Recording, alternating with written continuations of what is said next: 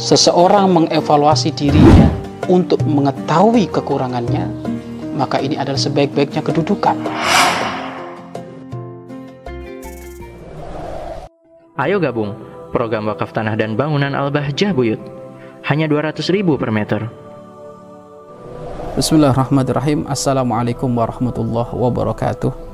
Alhamdulillah, alhamdulillahi rabbil alamin. Wal akibatu lil muttaqin wala udwana illa 'alal zalimin. Wa sallallahu wa sallama ala imamil mursalin habibi rabbil alamin sayyidina wa maulana Muhammad sallallahu alaihi wasallam wa ala alihi wa ashabihi wa tabi'ina lahum bi ihsanin ila yaumiddin amma ba'd sahabat-sahabat fillah yang dimuliakan oleh Allah Subhanahu wa taala menyambut takdir begitu rapi agung dan mulianya Allah Subhanahu wa taala di dalam menciptakan manusia mula-mula mula-mula hanya air mani kemudian menjadi segumpal darah lalu menjadi segumpal daging dan disempurnakan dengan ketentuan-ketentuan Allah Subhanahu wa taala. Mulai dari rizkinya, ajalnya, amalnya, beruntungkah ataukah celaka sehingga nampak amal ahli surga namun takdir ia adalah neraka maka bermaksiatlah dia nampak pula amal ahli neraka namun takdir dia adalah ahli surga, maka beramal solehlah dia. Sahabat-sahabat fillah yang dimuliakan oleh Allah Subhanahu wa taala. Di dalam kehidupan kita semuanya muaranya ketentuan Allah Subhanahu wa taala. Dan ahli iman harus beriman kepada ketentuan Allah. Ahli iman harus beriman dengan ketentuan Allah. Takdir jelek dari Allah takdir baik dari Allah Subhanahu wa taala. Dan apa pun yang dilakukan oleh seorang hamba di muka bumi ini tidak luput dari urusan ketentuan Allah Subhanahu wa taala. Apakah ia kaya raya, apakah ia melarat, miskin, apakah ia sakit, apakah ia sehat, apakah ia punya anak ataukah tidak punya anak, apakah ia mendapatkan jodoh ataukah tidak, itu semuanya sudah ditentukan oleh Allah Subhanahu wa taala. Maka tugas kita adalah menyambut takdir Allah. Berlapang dada sesuai ketentuan Allah Subhanahu wa taala. Karena beriman dengan takdir Allah ini akan menjadikan hati ini berlapang. Akan menjadikan hati ini luas. Karena beriman dengan takdir Allah ini menjadikan orang tidak mudah putus asa ada seseorang diuji oleh Allah Subhanahu wa taala tiba-tiba keluarganya ada yang meninggal. Orang yang paling ia cintai, orang yang paling ia sayangi meninggal. Kalau dia tidak beriman dengan ketentuan Allah, karena nyawa ini semuanya akan diambil oleh Allah, jika dia tidak beriman dengan ketentuan Allah, maka dia akan putus asa.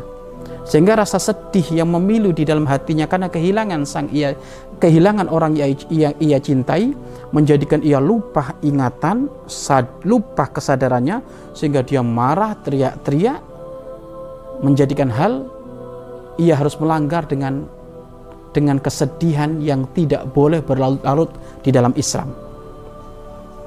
Akan tapi kalau dia meyakini ini semuanya adalah ketentuan dari Allah Subhanahu wa taala, maka ia akan sabar.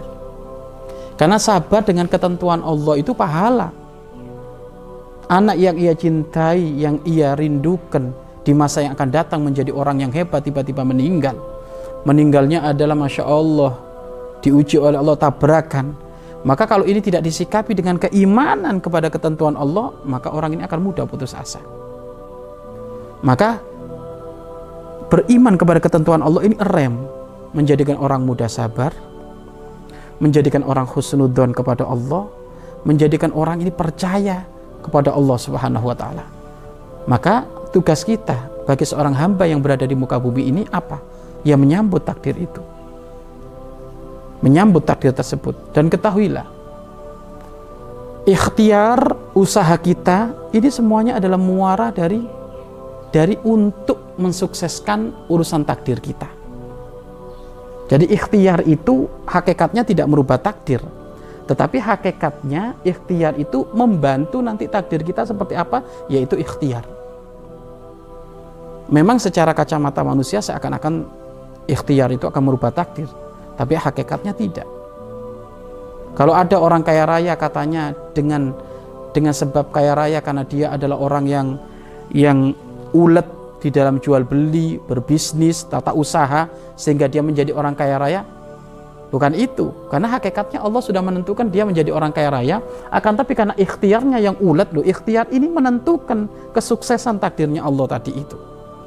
Dan banyak orang yang ulet kerja tapi ternyata nyungsep, nggak kaya raya, banyak orang seperti itu. Banyak.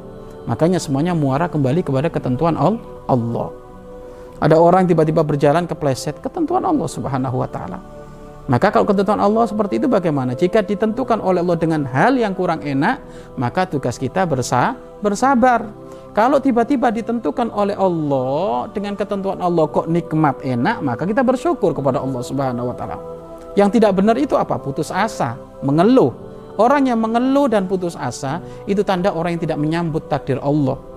Seorang yang putus asa itu kan tidak beriman kepada ketentuan Allah, takdir Allah, seakan-akan dia menyalahkan Allah. Kenapa Allah engkau berbuat seperti ini? Kenapa tidak berbuat seperti ini ya Allah? Siapa yang ngatur Allah? Tidak ada yang bisa ngatur Allah. Allah hadat yang mengatur segala makhluk ini. Maka kalau seperti itu bagaimana? Arih nafsaka tadbir. Maka tenangkan hatimu dari apa yang sudah diatur oleh Allah Subhanahu wa taala. Arih minat tadbir. Ya. Tenangkan hatimu dari apa yang sudah diatur oleh Allah Subhanahu wa taala. Apa yang tidak akan nyampe kepadamu, maka dipastikan tidak bakal nyampe. Tetapi apa yang bakal nyampe kepadamu walaupun dihalangi jutaan manusia, tetap itu akan nyampe. Maka rezeki tidak akan ketukar. Karena rezeki ini sudah diatur oleh Allah Subhanahu wa taala. Ajal pun tidak akan ketukar, kematian tidak akan ketukar. Maka ada sebagian orang guyonan, ada orang meninggal, tiba-tiba hidup lagi, katanya malaikatnya ketukar. Bukan, bukan nggak ada malaikat ketukar. Bagaimana malaikat ketukar? Malaikat itu sifatnya bukan kayak manusia lalai gini, nggak ada. Malaikat tidak punya hawa nafsu. Akan tapi kalau ternyata ada yang orang tadi meninggal kok tetapi hidup lagi, ya itu memang takdirnya seperti itu. Allah ingin menampakkan kebesaran Allah. Bahwasanya Allah saat mampu mematikan orang, mampu juga menghidupkan orang. Sahabat-sahabat fillah yang dimuliakan oleh Allah Subhanahu wa taala, sambut takdir Allah dengan bersyukur jika itu kebaikan, sambut takdir Allah dengan kesabaran jika itu kurang enak. Karena semuanya sudah ditentukan oleh Allah Subhanahu wa taala. Maka kehidupan kita, kehidupan kita ini ya sudah ada suratan takdir. Kita akan mati kapan? Usia berapa? Kemudian matinya lagi ngapain? Maka jangan pernah merasa hidupmu selama-lama ada di dunia. Enggak, hidupmu bukan selama-lamanya di dunia. Ditentukan oleh Allah di lauhil mahfud jauh-jauh sudah ditentukan oleh Allah, sudah kelihatan sekali. Oh, ini fulan bin fulan akan mati usia 30. Fulan bin fulan akan mati usia 31. Fulan bin fulan akan mati usia 35, 40. Ini semuanya sesuai ketentuan Allah Subhanahu wa taala. Maka ayo kita berbaik prasangka kepada Allah Subhanahu wa taala. Lalu kalau memang semuanya sudah ditentukan oleh Allah, ditakdirkan oleh Allah, lalu apa tugas kita? Tugas kamu adalah ikhtiar. Karena ikhtiar itu bagian dari takdir, usaha. Usaha. Usaha sesuai syariat baginda Nabi Muhammad SAW.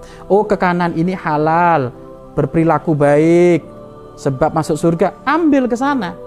Oh ke kiri ini adalah sebab orang masuk neraka, maka nggak usah melalui ke kiri ini Walaupun orang yang sudah berjalan ke kanan belum tentu masuk surga karena sesuai ketentuan Allah dan juga belum tentu yang ke kiri ini akan masuk neraka jika belum ketentuan Allah Subhanahu wa taala akan tetapi kita ini punya akal dengan akal ini hendaknya kita memilah-milih mana jalan yang diridhoi oleh Allah mana yang bukan oh sebab-sebab orang masuk surga itu adalah sholat lima waktu tidak mengambil yang haram tidak berbuat maksiat ya ini kita jalankan Jangan sampai ada berhujah, sudahlah urusan surga dan neraka kan ketentuan Allah. Kalau kita ahli surga walaupun kita maksiat terus pasti ahli surga. Siapa yang mengatakan dirimu ahli surga? Emangkah emang sudah ada jatah tulisan bahwasanya kamu ahli surga? Enggak. Kita ini semuanya ikhtiar rindu ingin menjadi ahli surga. Walaupun ikhtiar kita, rindu kita ingin jadi ahli surga belum tentu, tetapi setidaknya kita ini menjalankan ikhtiar kita sesuai yang dianjurkan oleh Rasulullah sesuai yang diajarkan oleh baginda Nabi Muhammad SAW maka jadi orang nggak usah ngane-nganein dan termasuk setan selalu membisikkan seperti itu. Eh kenapa kamu bangun malam semangat? Kenapa kamu harus menjauhi yang haram? Kenapa kamu tidak mau mabuk? Kenapa kamu tidak mau zina? Padahal kan urusan surga kan sudah ditentukan oleh Allah. Walaupun inti ahli zina ahli mabuk kalau engkau ahli surga ya tetap nanti masuk surga. Pertanyaannya adalah wahai setan siapa yang tahu ahli surga?